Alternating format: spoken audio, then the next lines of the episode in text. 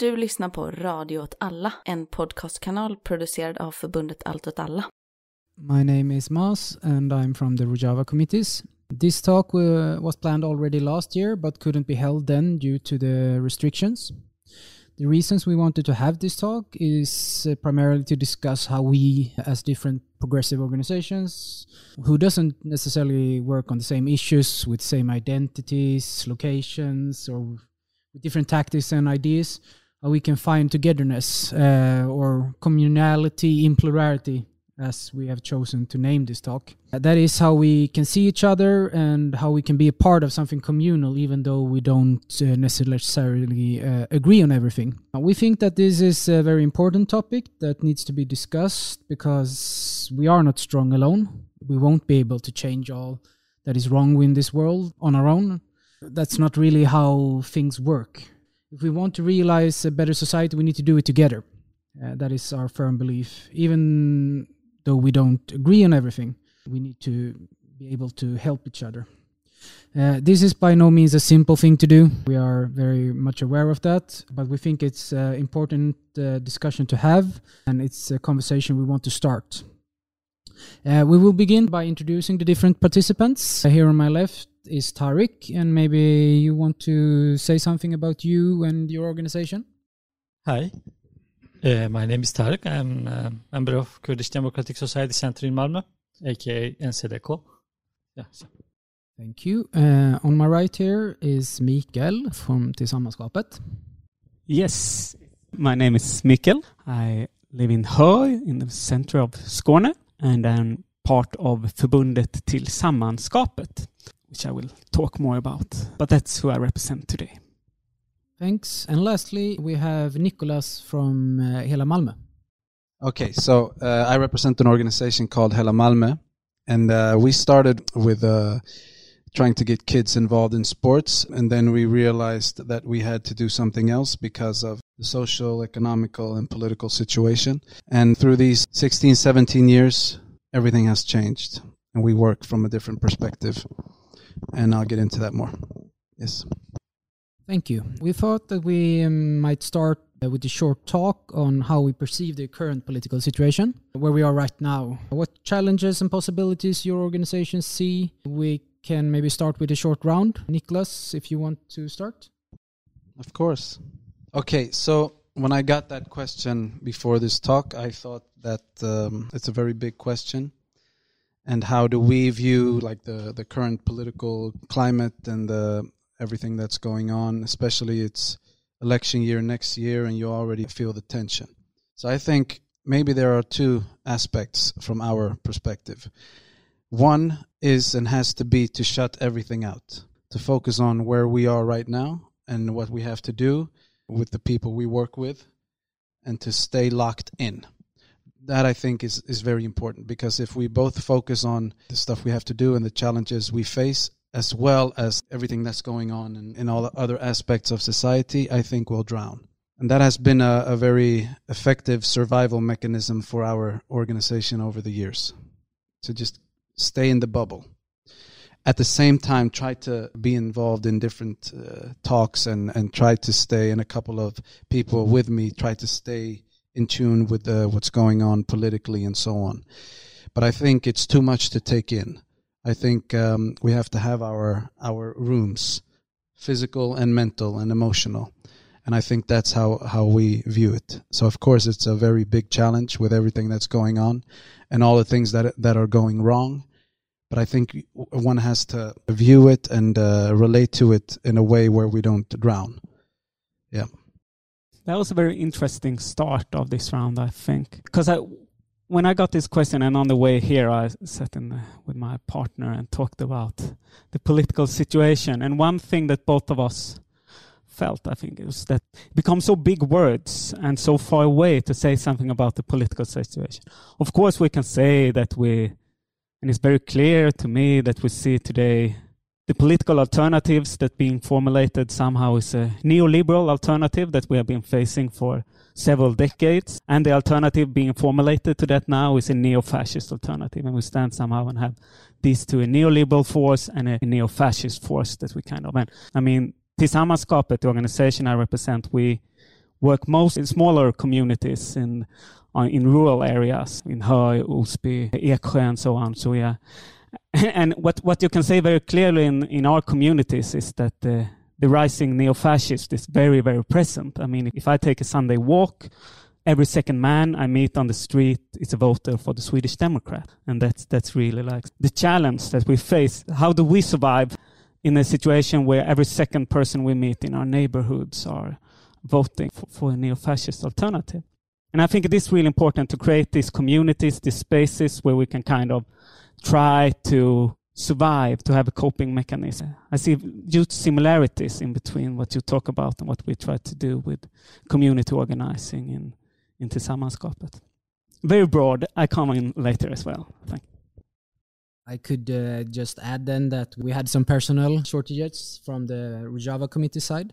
So I will be both uh, moderating and also giving some perspectives from the Rojava committees too. And I, would say that I, I recognize a lot of what you were saying, uh, and I think that there is two ways to view these problems, like the problems with the rising new fascism, the neoliberal hegemony, etc. How this could be met.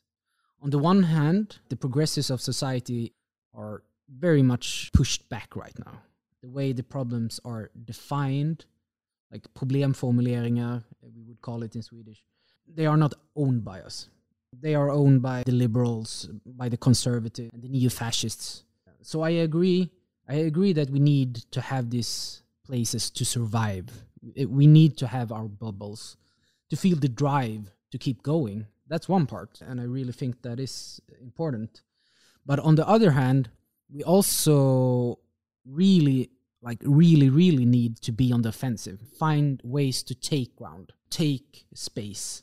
This idea about like how we could do this sit down in a in a, debate of ideas with the fascists like the liberals always uh, propagate and say one should do and win this fight in this way uh, it's not a realistic way of viewing political struggles. I absolutely don't agree that that is a way to be on the offensive but what I think we have tried from our perspective is to be the solution.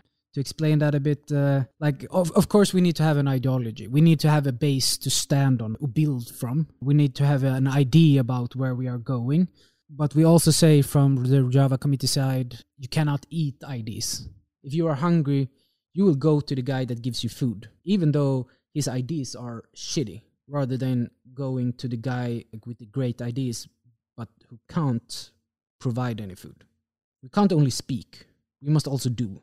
And we need to be a part of that solution. So, what we have tried during this pandemic, uh, together with the organization we are also a part of, Allt åt alla, here in Malmö, was uh, this concept we call Granne to Granne, or neighbor to neighbor in English. It's a project where we uh, delivered food, like books, medicines, etc., for people like okay here's a problem. The nation state isn't solving it. Let us let us do it uh, ourselves. Let's be a part of solving this. And by doing this and taking that uh, space and by taking that ground we can be like look at those guys. They, they those are the guys that uh, delivered my food. Those are the guys that delivered my medicines. These are the people that makes things work. Like we are part of the solution then. So i think we need to do both also if we only keep on the defensive you can feel really isolated kind of as an only organization more or less. But if we see ourselves more like a part of a movement then we are a part of like thousands of thousands of organizations in sweden and, and even more internationally that are moving in a direction in that way we wouldn't feel that alone. We don't feel like all these huge problems are just crushing us the problems with the environment the problems with society the, the problems with this huge like the massive uh, right wing conservative wave that just crushes the, the, different continents right now. If we feel like a, a part of a bigger community those problems feel more like okay okay we got something here. Like we can change this together. So yeah yeah i think we need to do both of these things, both the defensive and offensive. Uh, Tariq? Yeah, good starts. Uh, and when you made your speech, I realized that we are in two different uh, political spaces as Kurdish Community Center. So we live in here in uh, Sweden. We are exposed the problems in Sweden, in political atmosphere in Sweden, the changing atmosphere. So you know the ultranationalism is quite high in those days, and maybe they will be part of the government in the future. We don't know. Maybe they will be the government, and uh, the rental shortage. I mean, the rental prices and every, every problem you face here, we are also part of those. We, we feel maybe deeper because, yeah, we are living here, but we are also immigrants from somewhere uh, like many other communities in Sweden. But on the other hand, we are from Kurdistan. We live in the timeline on the social media of Kurdistan or, or Turkey or I- Iran or Iraq or Syria where we came from. So anything happened there affect our lives in here. So we we organize many demos like maybe every week, maybe two or three times in a month, so, sometimes twice in a week, and it's all about us. We don't uh, we are not part of any movement in in in the country we live now. Uh, so it, it's not something good. Th- this is true, and here in Malmö we try to change that really, but we have some integral and, and external problems to, to, to be part of those and to, to organize ourselves. So, first thing, the integral problems. Our people live in Sweden. They, they, they went holidays, they visit their families in, in the countries they came here, like Turkey and uh, Iran and Syria and Iraq. So they scare of those, those dictat, dictators. They don't want to be part of a political movement here, wants freedom or peace in Kurdistan. So the first problem is that we, we try to change that. So Malmö is, is the third biggest city in Sweden. There, there are thousands of Kurds living in here and around. So we have just one hundred or 150 uh, members, like officially. When uh, Turkey attacked Afrin, when uh, ISIS jihadists attacked Kobani or Serikania, those areas, we, we saw thousands of people, the Kurds and their friends, and people who, who support their cause. So we have a bigger potential, but we cannot organize those people because of this fear uh, or maybe some kind of conformism. I don't know. So living in Europe, life is good, easier. So why why they bother? So on the other hand, we have some external problems. I don't like the word integration, but part of uh, Sweden, its politics, and uh, even not community, but left left organizations. We, we cannot even link the organizations. Two two weeks ago, uh, I made a very small meeting with uh, some people from West, Vänsterpartiet. We we drink coffee and talk about the politics, and I, I criticized them because you know our ideology. It's based on ecology, gender equality, freedom of any any identity and we, we don't believe in the nation states and borders. But still we cannot get as much support as palestinian and other places get. So we are also pro-palestinian. Don't don't get me wrong. We support palestinian cause. They have right to, to be to, to self-determination. So do we i mean. Yeah i understand. The people from muslim countries they support palestinian don't support kurdistan. And i think this is uh, not just because they are pro-freedom both Palestinian, uh, Palestine and Kurdistan was part of Ottoman Empire, occupied by Ottoman Empire. So if you don't you don't support both of them, you are Kurdophobic. So we have those kind of problem even from the left in here, and with our comrades here, we are we are in a common place. We share the, the center with Allt åt alla and uh, other organizations from Swedish left. However, we don't know each other very well. We don't hang out. We don't drink a beer together. They don't uh, participate our demos. Maybe one of two or two of them sometimes, very rarely. And uh, we don't know how to communicate and how to make a stronger alliance between us and Swedish left. So th- those are the challenges I, I see now. So we can further discuss later. Yeah, uh, so this is the perspectives of the different organizations on the challenges we see right now in the current political situation. Now we would uh, open up the discussion to see if there is any reflections from any of you on what uh, others have said. I can go. Very interesting, all three of you. And I, I both see similarities and also where we can probably cooperate. But I think the perspective of uh, the left, yeah, guys from Allt åt alla have, have talked about this a lot. How do we uh, work together without uh, kind of tripping on ourselves? For example, Allt åt alla is a very outward leftist organization, right? And for us, and a, a problem that I personally have had with. Um, I don't I don't want to say the left, but a lot of people who say they represent the left is that they are not linked with the people who who they think they are in solidarity with. So for example, growing up and also the way the landscape looks right now and the areas that we people who work in Hela Malmö come from and uh, and know, the left per se is not don't have their roots there and from our perspective, when we started our organization, it was all about getting the kids involved in sports, and then furthermore, you know, serve free food, and and that's how how we grew. So we kind of uh, became more political and maybe more ideological as time went on and when we try to identify with people because what's really important is the substance. What what do we build? And i'll also talk about strategy we use uh, regarding our talk here. Also to and we've talked about this how can we work together but it but it has to be transparent and it has to be real and it has to be linked to reality like to to the to the problems we see and the solutions we need so even the left in Sweden, is my understanding and my experience, is a kind of I don't want to use the word, but you know what I mean. There's a sort of colonial type of mind state of coming into the area and spreading spreading their ide- ideology, for example. So for us, the important thing has been how do we first and foremost solve the basic problems in these areas, and how do we do it with self determination, and how do we shift resources in a in a very effective way. You know, as we usually talk about we have to be pragmatic. We have to have certain certain things we believe in and go hard for that. So we can talk about all these issues like inequality class and uh, poverty and and those things that are very linked to the leftist type of rhetoric.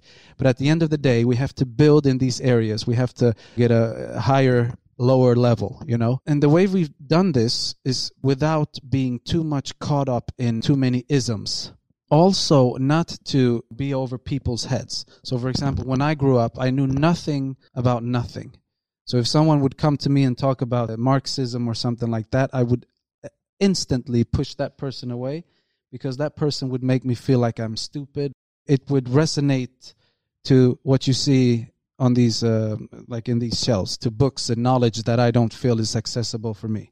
That's the kind of uh, idea we have to have when building in these areas. Where are where are we, and what do we need? What are the basics? And so, a strategy for survival uh, has been what we more and more talk about is uh, to build a parallel society, which in Sweden, if you know parallellsamhälle or klansamhälle, this kind of talk has been very toxic, right? And so we use that in a way to really lift the issue because it's in human history that's all we've done. We've created parallel societies and our own ways of getting you know food clothes and shelter and stuff like that. So this strategy to just say either you're with us or you're you're not. And even to say to the to the people in in, in power in, in Malmö even not just political power but also within Malmö stad to really tell them you've had your chance. Poverty is at 52% in Rosengård. What have you done? And then to just say okay we have to build ourselves. We have to get all the money we need, all the food and, and clothes and whatever we need, and start getting our own places. And when we've done that, and just say we are 100% in charge of our lives and our destinies and our kids' uh, you know, future, because you have had your chance to show us that you are, uh, are worthy of our trust. And when they show that they are not, which they have, through all these decades. That's the most liberating feeling I've had in all of my adult life. To really say, okay, we start our own sports clubs, our own Vårdcentraler, universities, whatever we need. Because then what happens? It becomes a, a matter of competition. So then all of a sudden they come to us and really want to be involved and really want to help out. But then all of a sudden they do it on our terms. And that has been the most effective way both to really protect ourselves and to have a longevity and, and stuff like that. So as a strategy, that has been the best for us. Thank you. Uh, it's uh, amazing to listen to all of you. I get so inspired and so many ideas. But I, am thinking a lot about the different area where we work in and the kind of geographic aspect of, of, of doing of doing politics. And uh, there there is a lot of difference in between working on the Swedish countryside and working in Nydala, where, where, where, you talk about. Of course, it is one similarity though that is very clear is the left, the lack of the left, the non-existing left. I mean, the left in her do not exist uh, what you usually consider to be the left. Now I would argue that we are the left, that Tillsammans are the left, but the old left is not present at all. It, it's really a long way just coming with ism and talk to people. I'm very much in favor and what Tillsammanskapet have been trying to do since we started up in 2014 is to create the world we want to see, at least some pockets of the world we want to see to create pockets of hope in a cold and brutal reality and use those worlds as an argument for pushing for bigger structure change beyond what we can do as well. One of the main challenges I have seen for us is that this creating the world that we want to be. For example, in Höör, we have created a community center and now we own 400 square meter where we can have concert, we can have food supply for people who do not have food. We can like do a lot of progressive things. One of the challenges I see in many of our communities is that when we try to create the world we want to see, there is constantly, and okay, here I self myself do an academic concept. We, we have to face a deep, a force of depoliticization within this council, oh, now you do it. We do not have to take responsibility from the multi-policy. Super good that you do something. Okay. And then they label us at integration, uh, which is very often used as a deep political term, I would say. So kind of, okay, you do the work for us and we do not have to take responsibility. And that's really, I mean, I still believe in this of creating the world we want to see and I'm still believing our strategy. But there is a challenge within all of this that how do we do this and maintain that we create the parallel structure and the politics should come to us on our term? And unfortunately, I have to say many of the communities I have been in that they have not come to us on our term. They have come to us and re- try to redefine what we do to fit into some kind of what I would argue is a very neoliberal agenda, where we as the civil society uh, do the work uh, for, the for, for, for the politicians instead. Uh, and that's really a challenge I see. I still believe that we can overcome that challenge, and I think Hela is like such a wonderful example of of how you you are one of the most political organization I know about and still do all of this. So so it, you are such a great example that you can overcome this challenge, and I think that we can overcome it in in Tillsammans man example. But it is have been a challenge for us. Uh, I think there is a common thread among all of our organization, uh, this kind of parallel society that you were speaking about. It's one of the bases also of the project within the Kurdish freedom movement and how this place called Rojava is built. It's like uh, the Syrian state can exist here, but they are not providing, so we will build our own working society besides their we are not storming the palaces or the parliament. We are just going to solve our own problems, and you can be here if you like, but you are not relevant. So when you don't provide, we will, and you will become irrelevant. That's the idea. I, I think that the idea of building uh, this parallel society, like if we reach that level, we will dictate the terms because we are the society. But the, also there are there are big problems in this, uh, and also so you see uh, the problem you were speaking about, Mikael. I think uh, that in one sense it's also a mentality problem. Um, what we have seen, we are in a situation where people kind of want to have everything served. Like if you're if you're a political organization you often get demands like uh, you should do this you should do that uh, you should have this talk uh, you should do that instead. They don't they don't want to organize it themselves the people that comes with these demands but want to have it served by others if you get what i mean. It's also a, a problem when we speak uh, like within the Rojava concept. It's like, yeah, great, it's great. Yeah, of course, everyone can decide uh, on how their society should be. Where, like, where will we have the playground? How will we make the roads? Where will it go? These decisions that uh, affect you, like this old leftist idea of direct democracy, where everyone that is affected by the decisions are also able to affect the decisions, um, to be to be there and decide about them. But we also notice that uh, this kind of society society or mentality we are in right here where we live right now it's it's also hard to make people people don't want to always make decisions Like when you come home from work, you make food, you you just want to sit down on the sofa and watch some TV. You don't want to go to some meeting and uh, like decide a lot of things. So to make decisions and be a part of society and to make these changes, like it's hard. And as it stands, not everyone wants to do that right now. Like I, I think really uh, that this is a mentality uh, thing, and also like maybe also when when when what you are deciding actually makes change, like what what you decide and you do actually forms the world around you and not only you, you just shout out your disapproval with things and nothing happens then you maybe get like a little discouraged but when you actually change the world around you then then maybe this this uh, mentality will change. I don't know. But i think it's a it's a challenge we have. Yeah like how can we promote organizing? Like you want these things uh, great let's organize and make it happen together. Not only to get stuck in this kind of relationship where one part is the provider and the other is the beneficiary. Because i think uh, in reality like I, that becomes really toxic uh, in the end yeah, like if you don't feel a part of things then you get for example like we did here uh, in the center we had a like or in the old center we had we had a youth place where where they could hang the youth could hang out but they didn't really, feel a part of it so then we got problems like vandalism, things got stolen, yeah, things like this. So I, I really think that you you need to feel that this is mine too. This is mine, and I'm a part of this. Like I'm organizing it also. Then these things won't happen in that. Yeah, maybe it will happen, but not in that like wider sense. Hopefully. So I, I think it's a problem of mentality that we need to overcome, and I think I think you had some good examples of how to do that. Like it's also some problems I have noticed within this very catchy phrase of direct democracy. Like also there's challenges within this. Uh, yeah, this parallel society or system it's a good idea and seems working in Sweden. It's work. It works. Uh, we also tried same system in uh, before Rojava. We tried it in uh, northern Kurdistan in Turkey. So th- there's a 10% election barrier to get into the parliament. It's for Kurds. So we tried for years, like since 1990 till 2007 or something. We tried to, to pass the, the barrier, but we couldn't. Then uh, the party decided to go with uh, independent members, like independent candidates.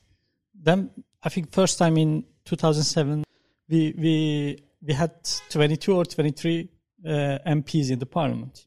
Then we, we took control of the most of the cities in, in northern Kurdistan in, as mayors, like municipalities.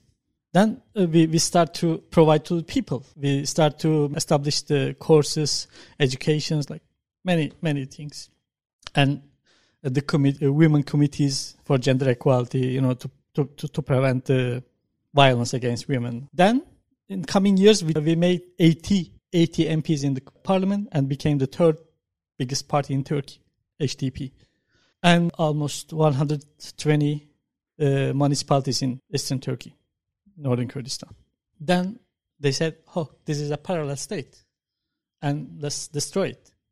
And they put our mayors and MPs in the jail, and they they sent the state appointee to our municipalities. Whenever we took control, they did it again, and they charged the people who, who was part of this project. So in Sweden, it seems like it's working now. Maybe a while, one, two, three years, but then we see the Sverige Democrat is coming, and uh, these neo-Nazi movements are rising all around Europe. So we don't know if it will work or not in the future. So I think it's very important, by the way. But I think we should try to damage the system. You know, uh, if you buy something, establish something as buying schools, like you know, it's it's still feeding the system, but we should damage the system. I think no other way to. It's it's very sensitive process. There's a guy in the UK, uh, Stuart Hall. It's a Jamaican Britain philosopher. He says, whenever a uh, capitalist system got a problem, you know, before World War One, Second World War, and uh, this 1979 petrol crisis, they repair their damages and coming back back even stronger. So whenever capitalism has a crisis, the left wait and say, okay, now it's our turn. It will collapse and we will we will have our revolution.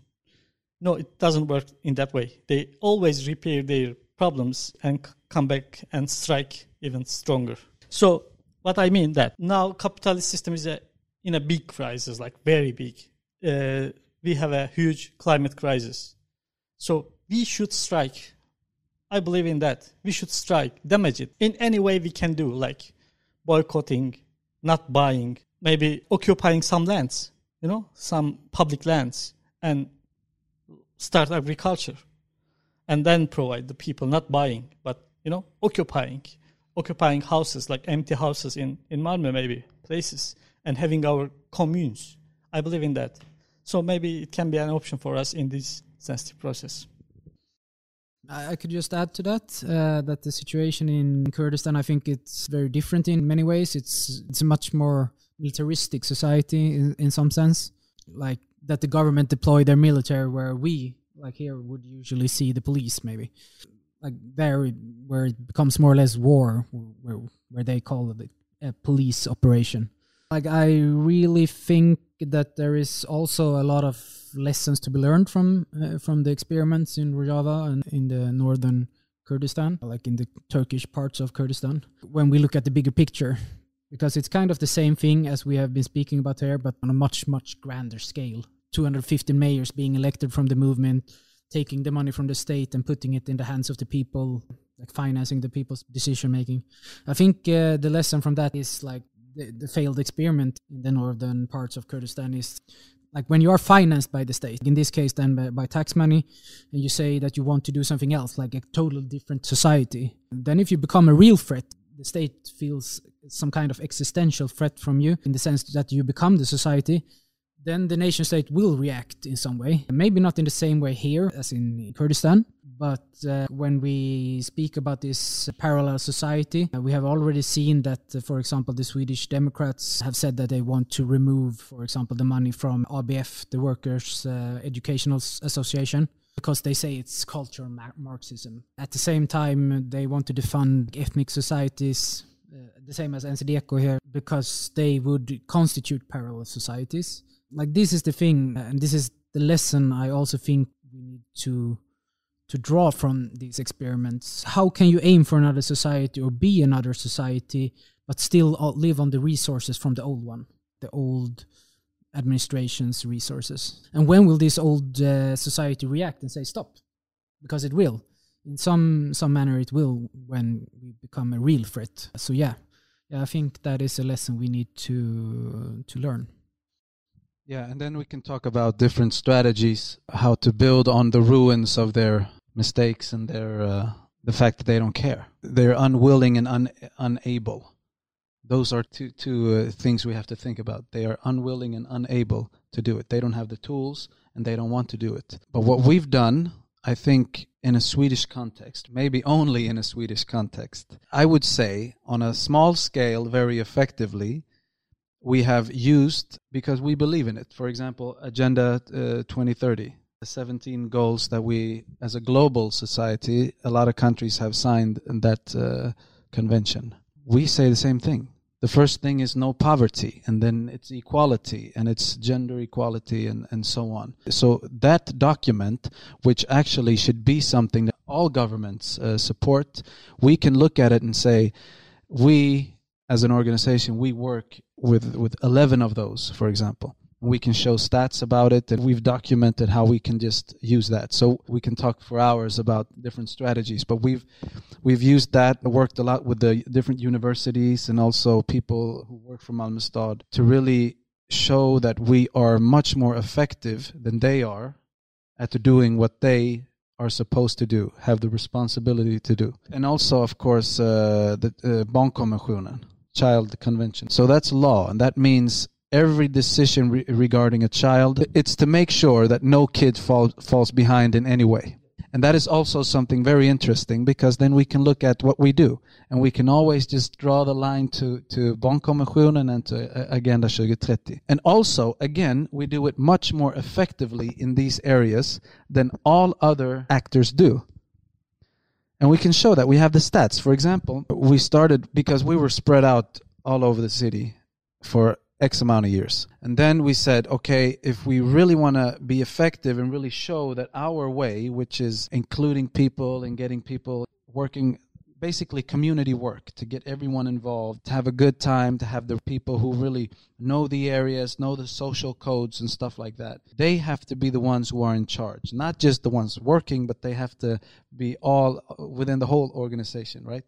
But we said, okay, if we concentrate like 70% of our resources and our time and everything to one area and we we do our uh, homework so we see, okay, uh, these are the the needs and wants in that area, and then we identify different people. Like it could be companies or the university or the city, and we just make them commit to this area. But we make the call, but they support us. So, for example, there wasn't a library in, in that area and we build our own but we did it together with the city library. By telling them we are building our own library but you have to provide books for people. That is your job. And they said it is. And then we worked together. Same thing with, with the university. The university is uh, too much in the richer areas and they don't reach our kids and our young people and they don't see why they should uh, study. So we connected with the university and they build a department in our facilities.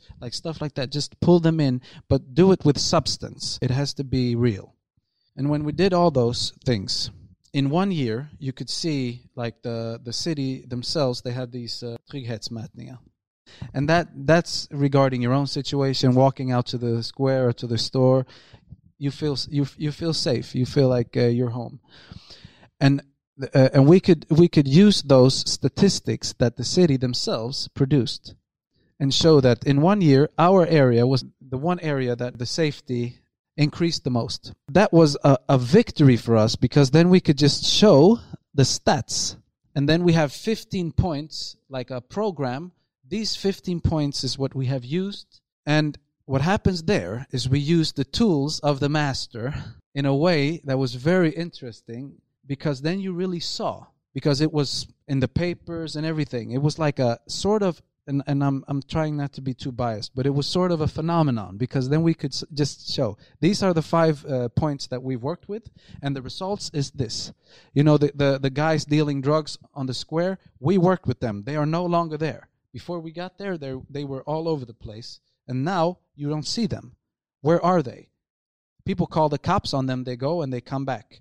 But we we sort of worked with the right people to really get to know the know the kids and to get get them to study or get a job or something. We did what we feel was felt was right and it was also according to science. We got all the statistics on our side. And so when someone else is in political power even more on the far right. We still have the statistics and we have a growing number of people who support our cause because it's a matter of right and wrong. It's about morals. It's about Agenda 2030 and stuff like that you can't deny really. But what happened was we thought that this method and the results of it because it wasn't like okay you will see the effects of it in 15 years that's always been that's our problem because we say, okay, if we do all this, you will see the, the effects of it further down the line.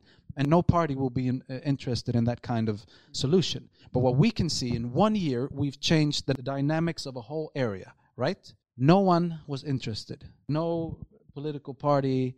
I, I would say across the sp- spectrum. We've talked to Vänsterpartiet a couple of times and Liberalerna, they, they visit us once and stuff like that. But no one was really interested in seeing what we had done and what methods we had used to really change so many things in one year. And that to me was like sort of like a nail in the coffin for me because then I thought, okay, this is proof that our feeling of being alone, of we have to fend for ourselves, we have to use all the tools we need to create better living conditions in these areas because no one really cares. And another thing I'll end with is when you see a lot of the leftist leftist people who who write in the bigger newspapers, I read them and I think we have the same ideas.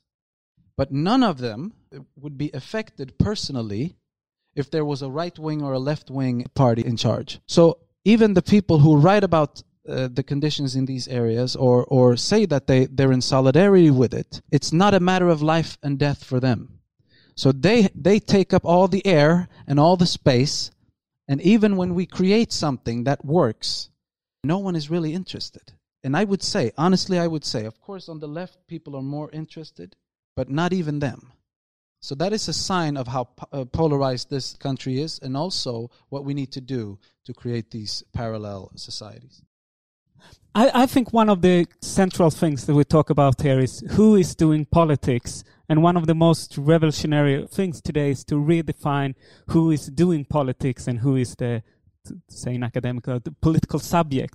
And that is what I'm really inspired against. I will come back to this by Hela Malmö, that you redefine that this who is doing politics, and the one that is doing politics is actually the kids in your area. And I think that, that, that that's where I see the embryo of a revolution. If we redefine who is doing politics, and and that's really like okay, here is people come together in their community, and that's very much. I, I can say that we see, without bragging too much, but that we also see in a sign of that in, in Tillsammanskapet as we redefine who is doing this politics, who is getting involved in their community and to redefine that. I think it's super interesting of creating our own world and changing to redefine who is doing politics. One thing of this there might be a backlash on how much how big can can the world we create be before they come and destroy them. One thing of th- that we have tried to work a lot with in Tillsammanskapet to get a long-term sustainability in the in the communities we create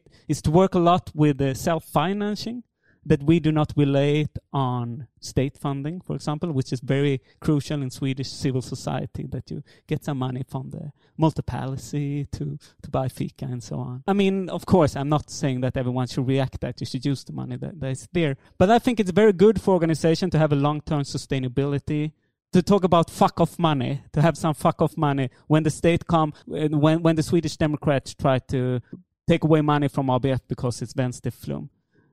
Then I think it's really good that we are not totally relying on one source of income, that we can have, for example, second-hand shop, we can have a cafe, we can crowdfund part of our funding, we can finance our activities in a spirit of solidarity to some aspect as well. And of course, there's other limits with that. I mean, of course, but to have some fuck off money, I think is really important in terms of, okay, when they try to depoliticize us, when they try to destroy the world we create, then we can have a backup for that.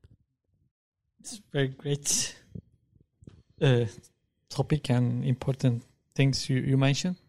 And wh- what you have done till now, as I understand, is wonderful. And I hope we can share more to each other, our experiences to each other, and achieve a, a better society together. So this is what all I want to say. Uh, you, Mikael, had a very important point that we kind of skipped over. There is also conflict that I have seen. This one, like, are we now providing for the state? And, like, they can save money and lower the taxes because we are providing things they should have provided. There is this part of the left, especially if you're of the more traditionalist left of the older times, that would say that the state should provide for us. And why aren't they providing? Why should we use our resources? They should use theirs. Like this kind of uh, reaction. And I think it's very natural. And I think it's a very important discussion to have. But also that this might be one of the more revolutionary, like uh, if, if we talk about revolution, it's a very diffuse concept and a hard topic to speak about. But if we speak about the revolution as a way of changing society fundamentally rather than storming a palace, I think this is one of the more uh, revolutionary fundamentals that we can speak about. Like, is the nation state the solution? Is capitalism the solution? Because if we speak about building our own society and making sure we have a better life, even if we do that for ourselves, the world is still dying the the world is still burning. When we speak about, uh, for example, this agenda uh, 2030 or the Children's Convention, etc., we all, we can also speak about the UN saying that the world is dying, scientifically saying that this is the case. The world can't handle capitalism. Like actually, the UN uh, made this very thorough research group. I think it was a Finnish university during several years tried to find a solution with green capitalism that could be sustainable But even with like the most wildest calculations where they made all this green capitalism, green change happen today, everything would change now with new fuels, uh, only using uh, solar energy, etc., etc. It still wouldn't work. Like they needed to uh, acknowledge that in that report. Like capitalism overall won't work. It won't save the world. This idea of uh, a world built around forever growth isn't sustainable. It simply isn't. It will kill this planet and it's killing the planet right now. So if we say that the solution isn't capitalism, the system like that is actually killing the planet, and the nation state is a part of this system, then of course we need to provide an alternative. What is the alternative? If you think in this way, like of the more traditionalist left, it would be this kind of revolution where you take the palace. I don't think this is a very near possibility or something I would rather see personally, because it would mean that a lot of people, a lot of comrades dying. This is the reality of a revolution that takes this kind of form. Uh, but what I would say is to say outwards is like the state has its own interests, other interests. It doesn't have our interests in mind. They won't provide for what we need. Their mentality is not to provide for us. Eco- economic growth. That is what their mentality is all about. So if we say that we want to build another society, and we need to start building another society. We can't say that it, this is something that will happen in some kind of ill-defined future. We need to address people's problems right now, where they are living right now. We can't say that this is something that be solved in the future for example, uh, a lot of that that Hela Malmö does, and I think that we really need to do this. Uh, that we need to have like, yeah, for example, this healthcare center, but we cannot be like, yeah, hello, the state, we here we are, we will help you, we will do this, we will do that, no problem, we won't uh, criticize anything, but rather to say like, look, we are doing all this that the state should do. Why should you listen to those guys? Why should you listen to the state? Why should they rule you? They don't care for you. You and your neighbors, you care for you. This kind of keeping both the critique and like critiquing and building a new society parallel to that one that is already here. This is really hard to do. I think it was just a topic you brought up, and I think I, I think it's really important uh, to address. Yeah. No, but I think the one thing that is like what economic system would be best and those kinds of questions obviously that's that's a huge topic. And I also think that what we've done is we basically we don't talk about that because it's too much. And it's and also to talk about all the bad things that are going on it's too much. You can be in solidarity you can study you can uh, do all of, all of those things. But at the end of the day you will crumble yourself if you are too much in that darkness. And i think whatever happens we are here now we can work now we can live a great life now and uh, and and build together and feel good about it. And that's one thing that that I think because it's easy for me to talk about the good uh, examples of of the work we've done with Hela Malmö and say okay this this has been great. Obviously we, we're crap at certain things. We do a lot of you know we we have our we have huge problems. But I think one thing that that we have done that has been a major factor for us almost being around for 20 years is that we really try to practice like solidarity and we really focused on focus on the relationship the relationships within the organization with the kids and, and now also especially with elderly people and parents and stuff like that. So again like i said in the beginning we can't focus too much on all the darkness or the, the what ifs and stuff like that we have to build here and now and try to, to build a collective and try to keep it constructive and, and positive. And I think that's also the, the middle class, the way I see it, focus a lot about the scary stuff that might happen and in some ways probably will happen because they have time to do that. They, they sit around and they, instead of uh, like, I think is the best thing, like a gathering like this, and then after that we have coffee and we eat and then we do stuff together and we try to build. I think we have to have respect for the fact that we can't take in all the darkness. We live in a society where information you are just fed all the time with pictures of of of all, all the horrible things and uh, diagrams and all that stuff. For us to build something, we can't look too much into that. The other thing to get to your question or the thing about how do we develop something where we are not in the hands of the state, but the other way around. I think for us has been to have our eggs in different baskets, and because our integrity is everything. We get about uh, a third of our funding from the city, and then we have we have four baskets. So it's the city, like pol- politicians, and and then corporations, NGOs, or whatnot. Yeah, and then uh, we make some money ourselves, and this is the basket that we need to grow. But I think then we have the integrity. Then we can work because if SD would be in charge and they would say no more funding from the city to to Hela Malmö, we still have three baskets, and we can still show that we make progress. I think I think there are people uh, who who are willing to work with us, even if if politics are out. I would just like to add to that. Like, yeah, now we are really bashing the so-called left, right? But I think, I think we do that because we, in some sense, feel a part of that community. But I do think there is a problem around organizing around the horrors.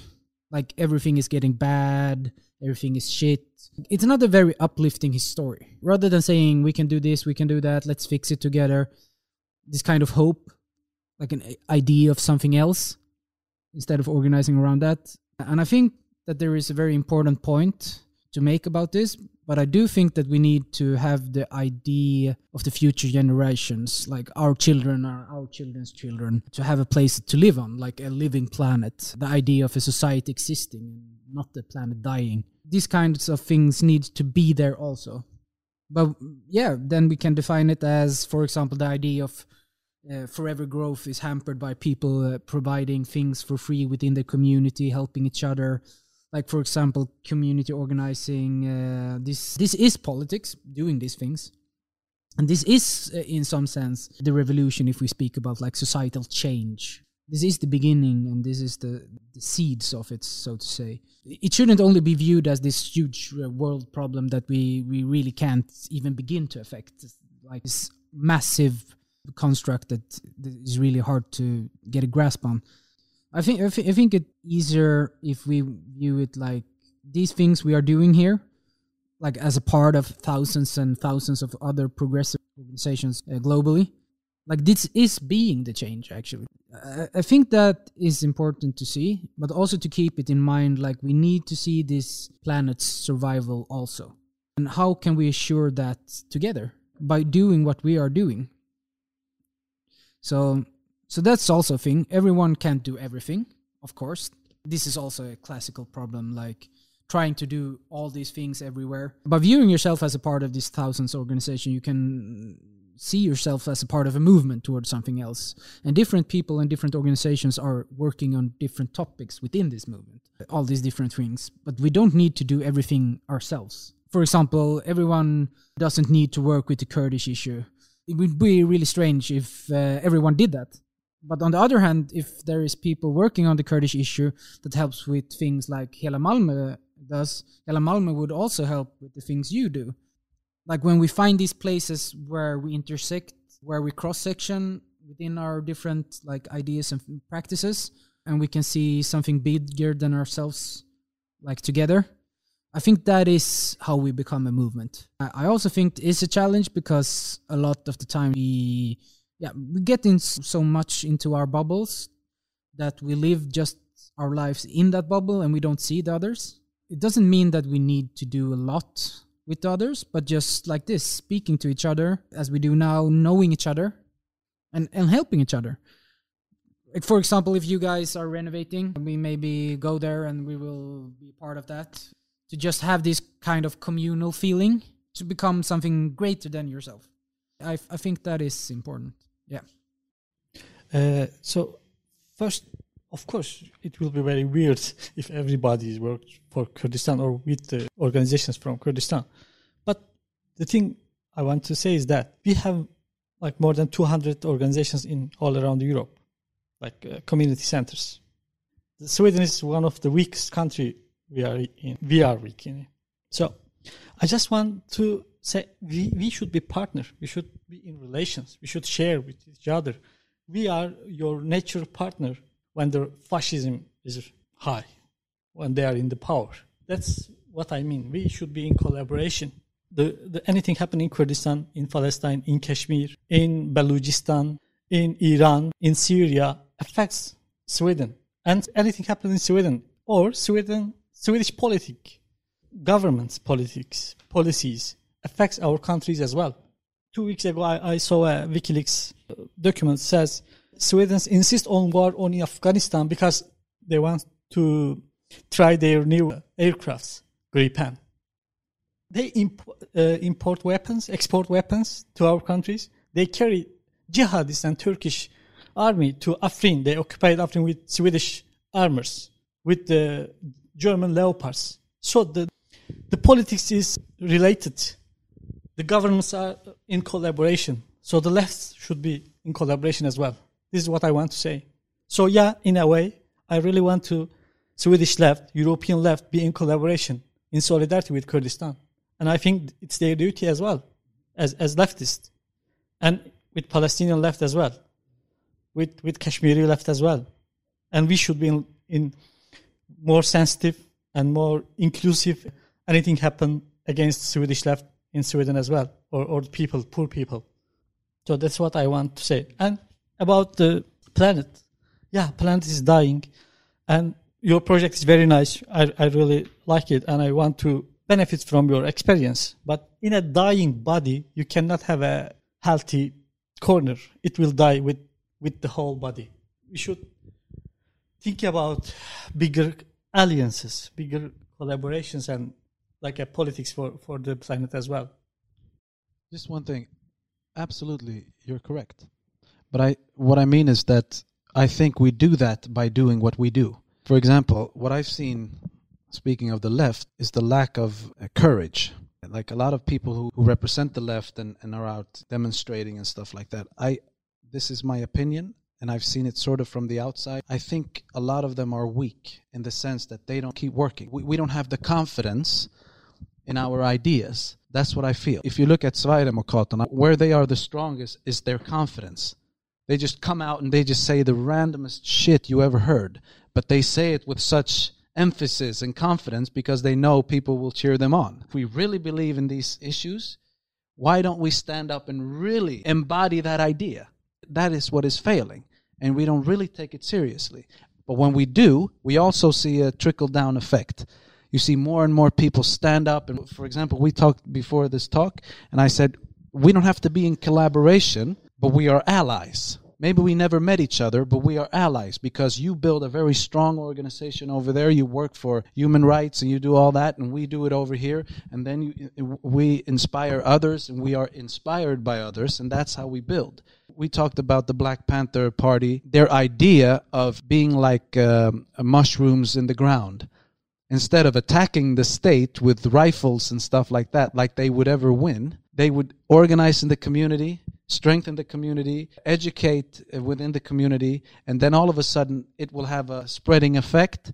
And that's how we get get to really be a global or, or a, a bigger movement. But I think we can do both and at the same time talk about the bigger visions and reach for another. And that's that's what we've done. So we stand on two legs. One is we have to work with serving food and, and, and all of those practical and material aspects.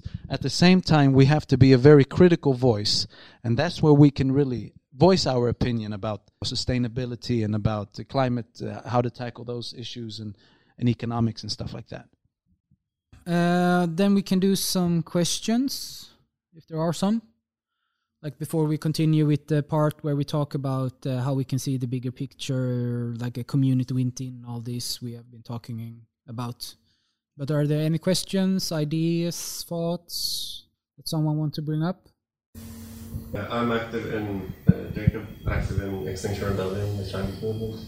And um, yeah. Uh, do you have thoughts on like how um, like when, when like suggesting collaborations and stuff in with other organizations and things like that. Uh, some people in your own organization might be very on board, uh, but some other people think that no, we should just do the exact questions that we do and not touch anything else.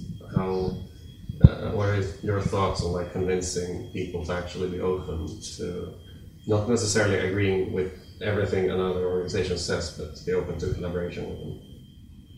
I I could just start a little bit on this question then, um, as we have had this discussion, and that's also uh, a part of this talk. I would say that within the Swedish organizational culture, there is a lot of uh, this. If we are going to work together, we need to more or less be in total agreement. Like have a paper where we're saying that we agree on all these uh, points, like precisely everything, more or less. And if we don't, uh, then we shouldn't do anything together. Like, and also th- this applies also in, within organizations. Like, if we don't agree on everything, then we should split up in lesser and lesser parts. Like this need, this idea of needing to be in complete agreement on everything to be able to work together. And I, and I really think that this is unrealistic, and I would say that it's hampering everything to do with like broader progressive change, because we need to be able to say these basic principles. Hey, you want to have an earth that lives. You don't want it to burn. I also want that. Great. We can do something together. Then we have like a lot of other issues where we are not agreeing, and that's fine. This and this important point we can agree agree upon, like a base to stand on, so to say. Uh, and of course, there needs to be limits also. Like we can't work together just because we have some common issues with everyone. Like I wouldn't work with Nazis even if we agreed on some like environmental issues or whatever, because you need to have some kind of ideological base, some kind of direction that we are agreeing about. But it needs to be broad. There needs to be like a broad common framework. But I think we need to have this discussion like, what is a movement? Is a movement to have this long list of points that we can all agree about 100%? Or, or is it more of a broad framework of ideas and like a, a direction we can move in together? Like, for example, we in the Rojava committees talk a lot about. Uh, like ab- about the basic framework like uh, the earth that needs to live we need to have a society where all people can survive and flourish in an equal way. If we can gr- agree on such a basic framework like these core principles we can use that as our foundation to be a, a movement within. I think that's important and i think that's a place to start. I don't know if that really is the answer. Uh, like I don't know if that was the answer for your question, but I think like yeah, this is a problem, and we have we have it broadly, so so to say, within the Swedish movement, and we need to talk about it. How can we find this framework or, or community, like this connection between us?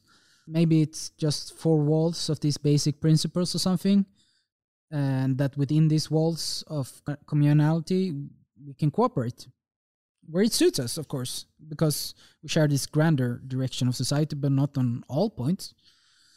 So this is also an idea from the Kurdish freedom movement uh, that I think we could really benefit from in Sweden. Uh, uh, I saw a finger. Uh, I saw a finger somewhere. No. Oh, there. Uh, I can try. I think it's interesting that you bring up Extinction Rebellion because, for example, our community in Höör, uh, Extinction Rebellion Höör, is, is is a part of it and, and working together with uh, using our the center we have been creating. And our collaboration started very much of a material needs. of a very like, okay, you need somewhere to be. We have a local, you can be there, and we get to know each other. And we started from that perspective rather than finding like, okay, here is our banners that everyone has to agree on. And this should be said, of course, I mean, we know how to use Google. We can find out things about each other. and we know that Extinction Rebellion are not neo-fascists. So of course I wouldn't, it wouldn't have been a cooperation. I mean, it's very clear. I would never cooperate with Nazi or fascist anyway. And of course you do those kind of, you, you know each other. But I'm kind of, I, I I like this that you have been into, I think, if I interpret you, and now you correct me if I'm wrong, that we start from the doing rather from the saying, that we start from here we have a need, we do something, material, something real. I have been in so many meetings that we should find some kind of where's the banner, where's the kind of the pro- program, and there is a lot of talk, and I would rather do the doings than the talking. Uh, and I, I, think, for example, now, I mean, the cooperation with Extinction Rebellion have grown, and we have a lot of exchange from each other, and we that come mostly from an anti-racist movement tillsammans Höör learn a lot about environment and hopefully Extinction Rebellion in Höör has the answer for them but I think that we start from their collaboration. We discussed it two days ago, this topic. How can we get in relationship with other organizations? And some of our friends suggest that we should be also in, in, in relation with the big big parties, pa- party in the charge, and uh, institutions of government like prime minister or ministers, you know, and the others and the party board and the other people, other members insist on no, it should be just tactical of politics, but they are not the solution. They are the problem, the, the reason of this, everything we live in. So the state and its institution, even the formal political parties, cannot be the solution for our problems, and they cannot even solve their own society's problems. So our main strategic partners should be the, the anarchist, the leftist, the socialist, who are not in the mainstream politics. So we are very clear about that. We, we can get in relation with every organization except for the ultranationalist. We cannot get in relation. Everybody is agree uh, in our organization with that. We cannot, even they, they, they, they came and say, we support Kurdistan. We say, fuck off. We don't want your support. We are, we are very clear about that. But other organizations, yeah, we can be in relations, but our main target is like marginalized groups.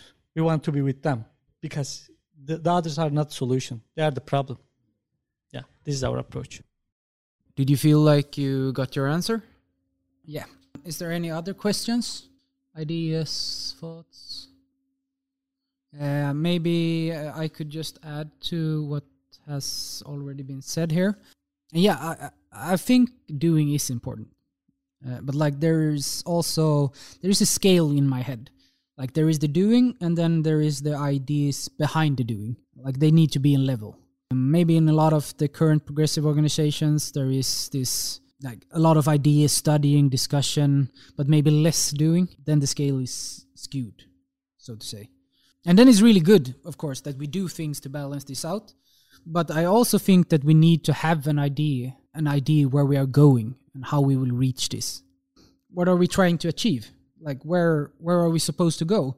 Are we just doing the state's work for them now?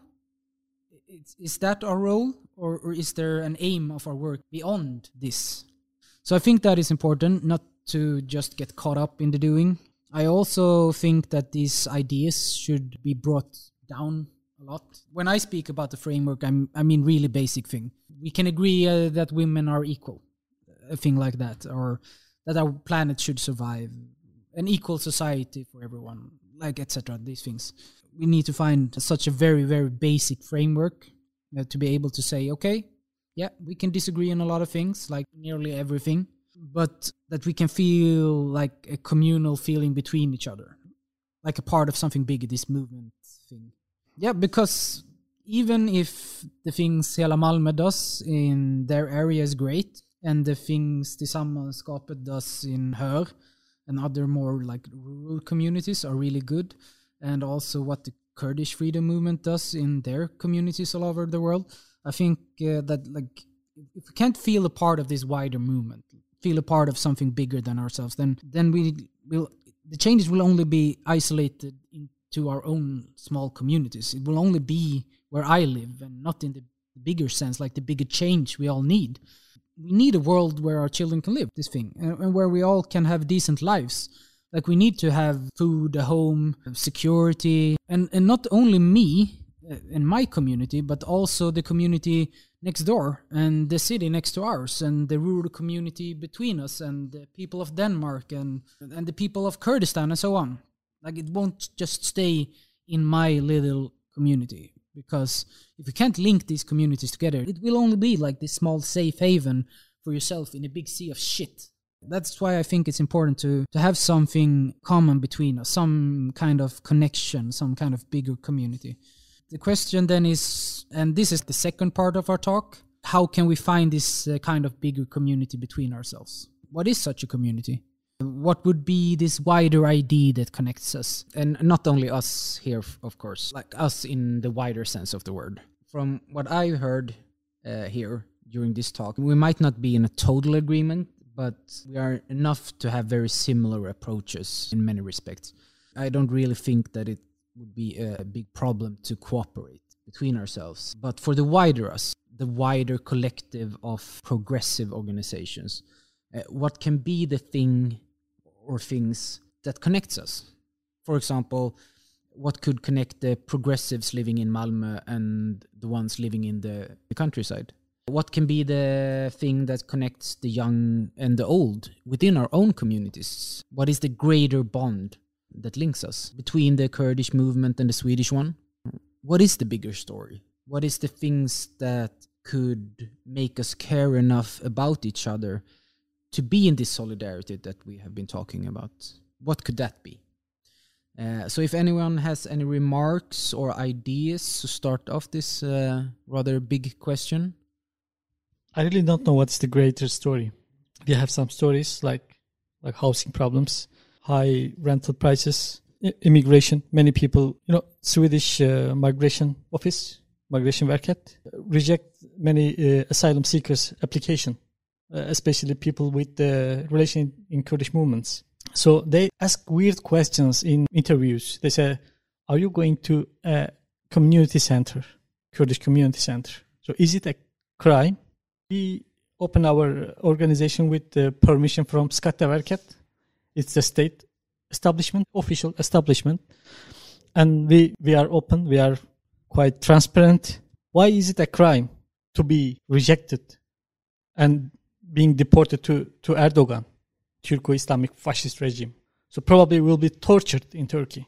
So this is our stories, but I think we, we should focus on not greater stories maybe, the, the smaller stories like personal stories like communal stories. Yeah we will be better. We, we don't know each other's stories. We don't listen. That's why i said we don't hang out we don't drink a beer together. So we don't know our our stories. So it's also my problem. I don't blame anyone. But maybe we should focus on the smaller stories. Then maybe we can see the bigger story the greater story and a platform to to make a bigger alliance maybe.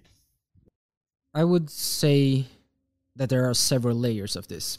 For example, there have been like some tries from our part to organize with the more rural communities of Skåne to reach out to other organizations. Uh, for example, um, there is a, an organization called uh, Veto.nu that works mainly in Österlen, the rural part. It's a movement consisting of farmers, local residents, uh, nuns, some kind of count, I don't know, uh, like a very diverse group of people that are working against the mining of uh, this radioactive material called alunskiffer. So like they're trying to work against this, and I think we could find common grounds with them around this. This would not really be a problem. We are also against pulling up this radioactive material from the earth and polluting the environment. We could have that as a common ground or a stepping stone, so to say. But also the fundamental of their movement is we need to be able to decide or at least affect what happens in our own community. That is what they want. It, it shouldn't be possible for some random dude to just show up at your place and start to drill for minerals without asking or you having a say in it. And this is the thing, actually, like there is laws in Sweden that say that everything below the ground uh, belongs to the state, like all minerals, everything, and they can drill for them more or less everywhere, wherever they want. And I agree. Like I, I agree uh, with what you said. Like we need to know each other. I'm in total agreement with that. But when we speak about like a greater movement or something to grab a hold of and be a part of, something bigger, like I think maybe that one of the, these things that we can do that could be to have a say in your life. That that could be something that connects us. A possibility to affect your life because that's really what they are asking for, and also we we don't want to have uranium pollu- polluting the nature. We don't want to have a bad life because of others' profit. We don't want this to happen like without us even having a say in it. I, I think this goes into the, like the basics of everything.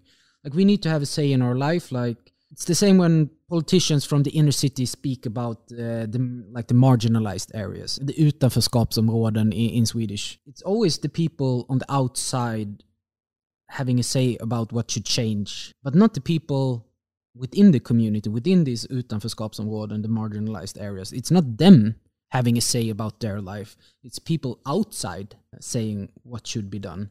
I think this is one of the fundamentals that really can connect us to a bigger story and also connect us.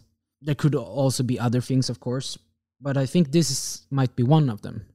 Like to have a say and also the resources to better your life. The lack of this possibility, I really see it as a major obstacle in society today. Yeah.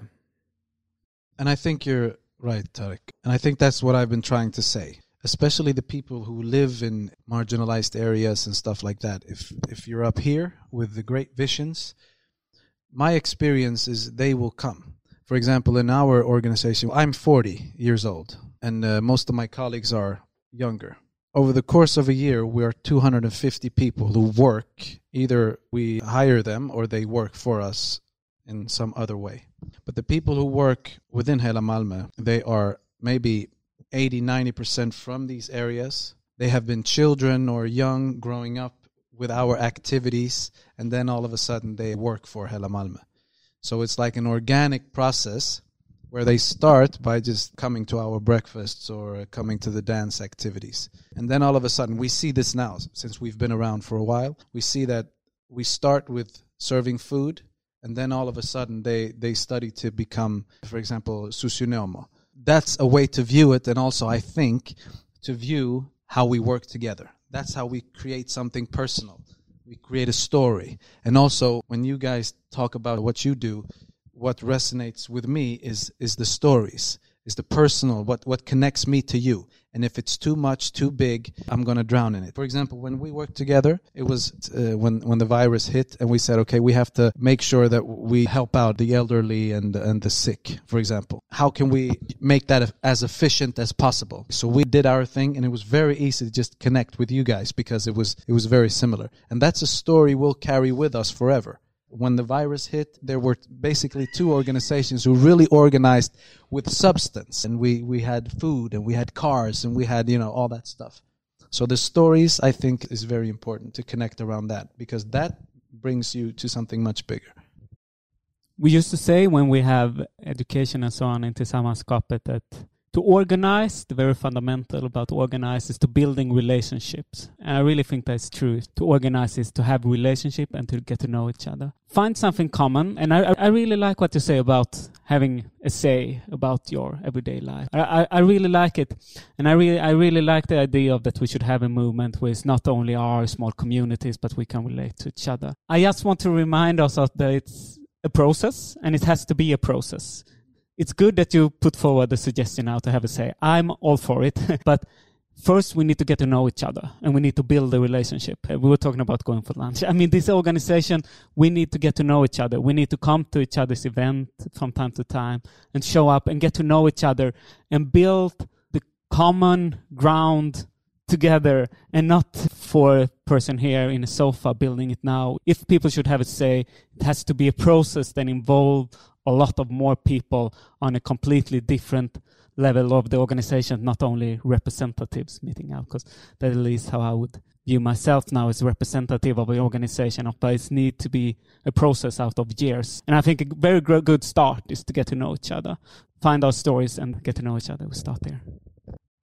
Uh, maybe I could just clarify that when I was speaking of such a point as something that could connect us, I was speaking in, like in a wide, wider sense, not only between us here today, but rather what we could put forward as something to grab a hold of together as a wider movement in Sweden or maybe even in the world. Something that could uh, connect us. Uh, like you want to have a say in what happens in your community. I also want that.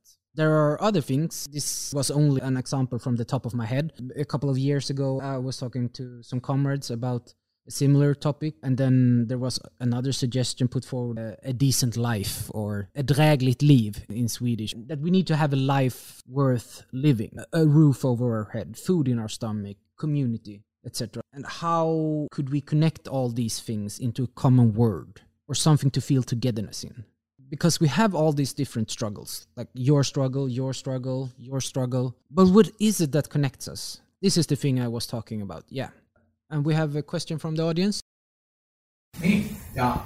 Can I, maybe some short.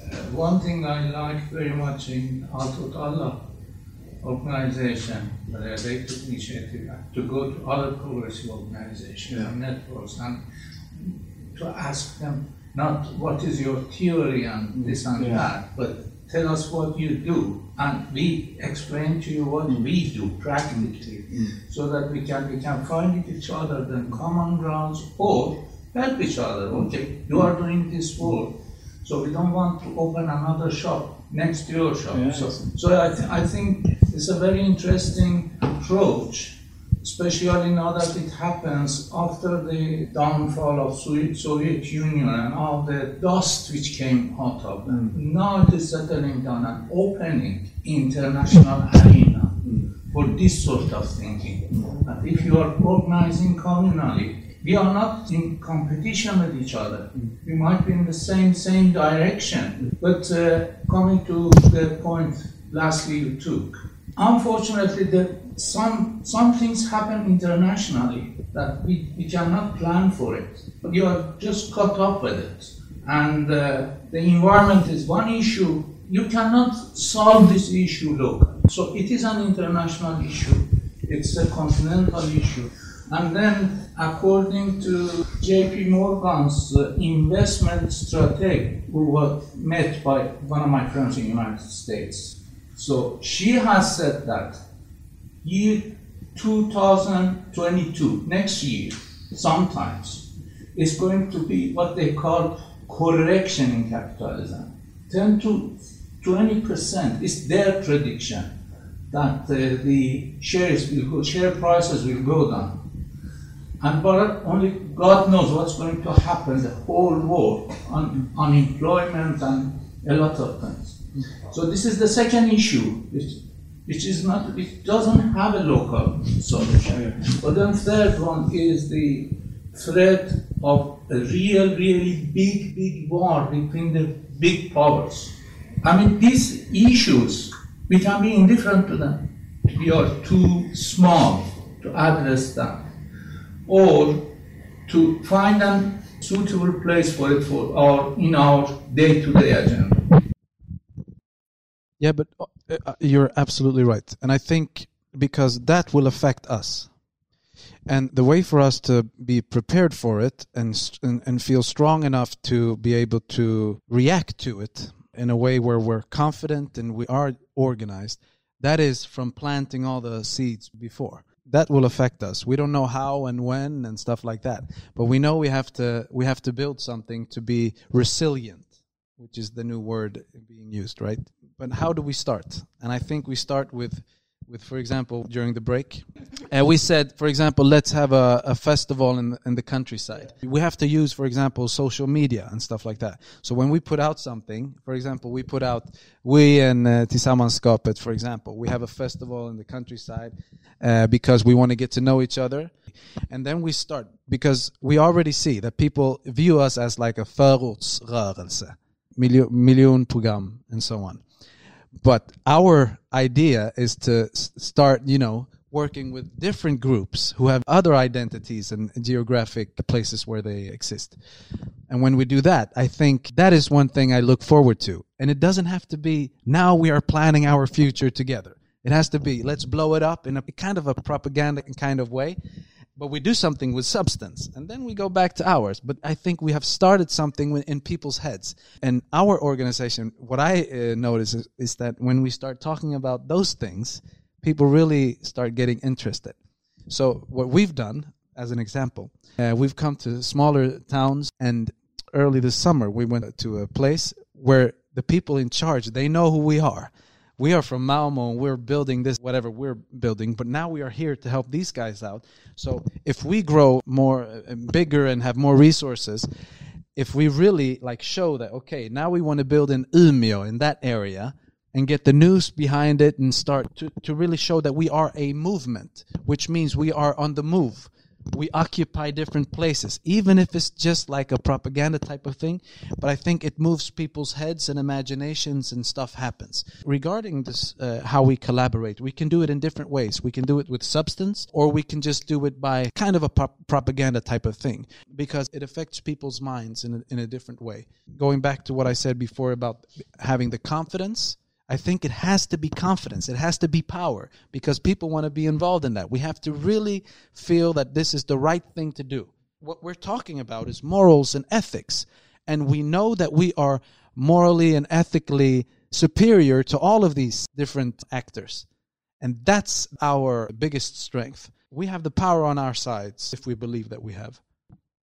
So we have our five last minutes now before you need to be in a taxi. But just to relate to what you said, I think that one of the most important things, like in all of this we have been talking about, it's really going back to what we talked about before of hope and the feeling of us going somewhere. Like we are taking this ground. Now we are the alternative. To feel that, like it's it's hard to quantify uh, that, but you know, like the feeling of yeah, this is happening now, and it's happening for real it's not just a hobby, not just ideas, but this is happening for real. And that's also a part of why we in the Rojava committees uh, think that Rojava is such a good thing uh, for us and everyone because we can go there. It's an actual place, an actual society putting the ideas, the ideas we think are great into practice and on, on a grand scale.